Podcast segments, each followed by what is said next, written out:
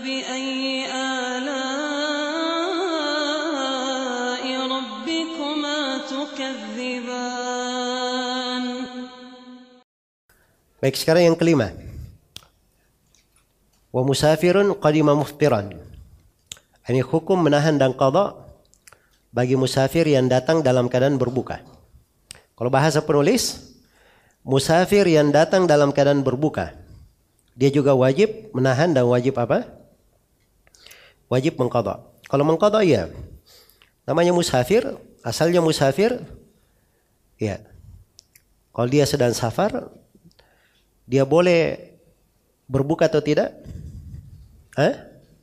Jawabannya boleh. Wa man kana maridan aw ala safarin fa iddatun min ayamin ukhar. Barang siapa yang sakit atau sedang safar lalu berbuka, maka dia qada di hari-hari lain. Maka kewajibannya asalnya dia boleh berbuka, tapi kalau dia berbuka dia wajib apa?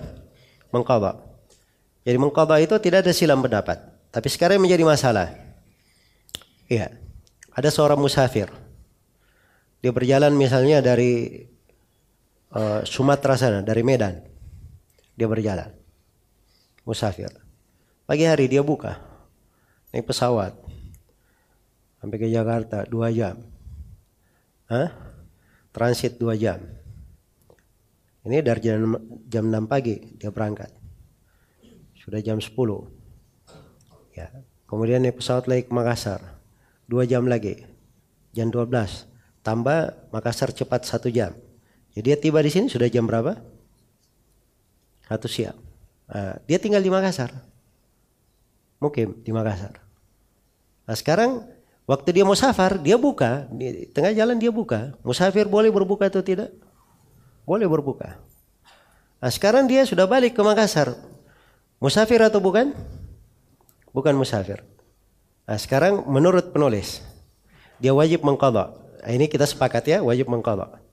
Tapi menurut penulis yang kedua dia wajib apa? Menahan dari jam 1 itu ya.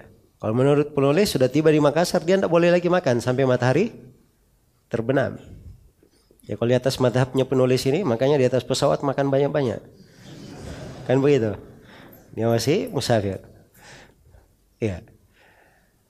Baik. Dan ini yang benarnya musafir yang tiba dalam keadaan berbuka ini ini sama dengan perempuan yang haid dan perempuan yang nifas. Tidak ada kewajiban menahan. Sebab asalnya dia ahli wujub. Dia berbuka karena apa? Sebuah udur syar'i. Maka kalau awal siang dia berbuka dengan udur syar'i, di akhir siang juga dia dibolehkan. Tidak ada kewajiban untuk menahan menurut pendapat yang apa? Yang lebih kuat.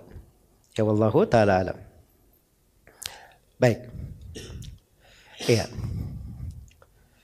Nah ini semisal dengan musafir misalnya dia pulang datang dari safar iya dia berbuka di perjalanan terus subhanallah dia dapat istrinya istrinya juga haid hari itu baru mandi bersih Nah, kalau terjadi misalnya hubungan suami istri, boleh atau tidak?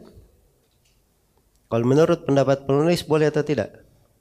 Tidak boleh, karena penulis wajib apa? Wajib menahan.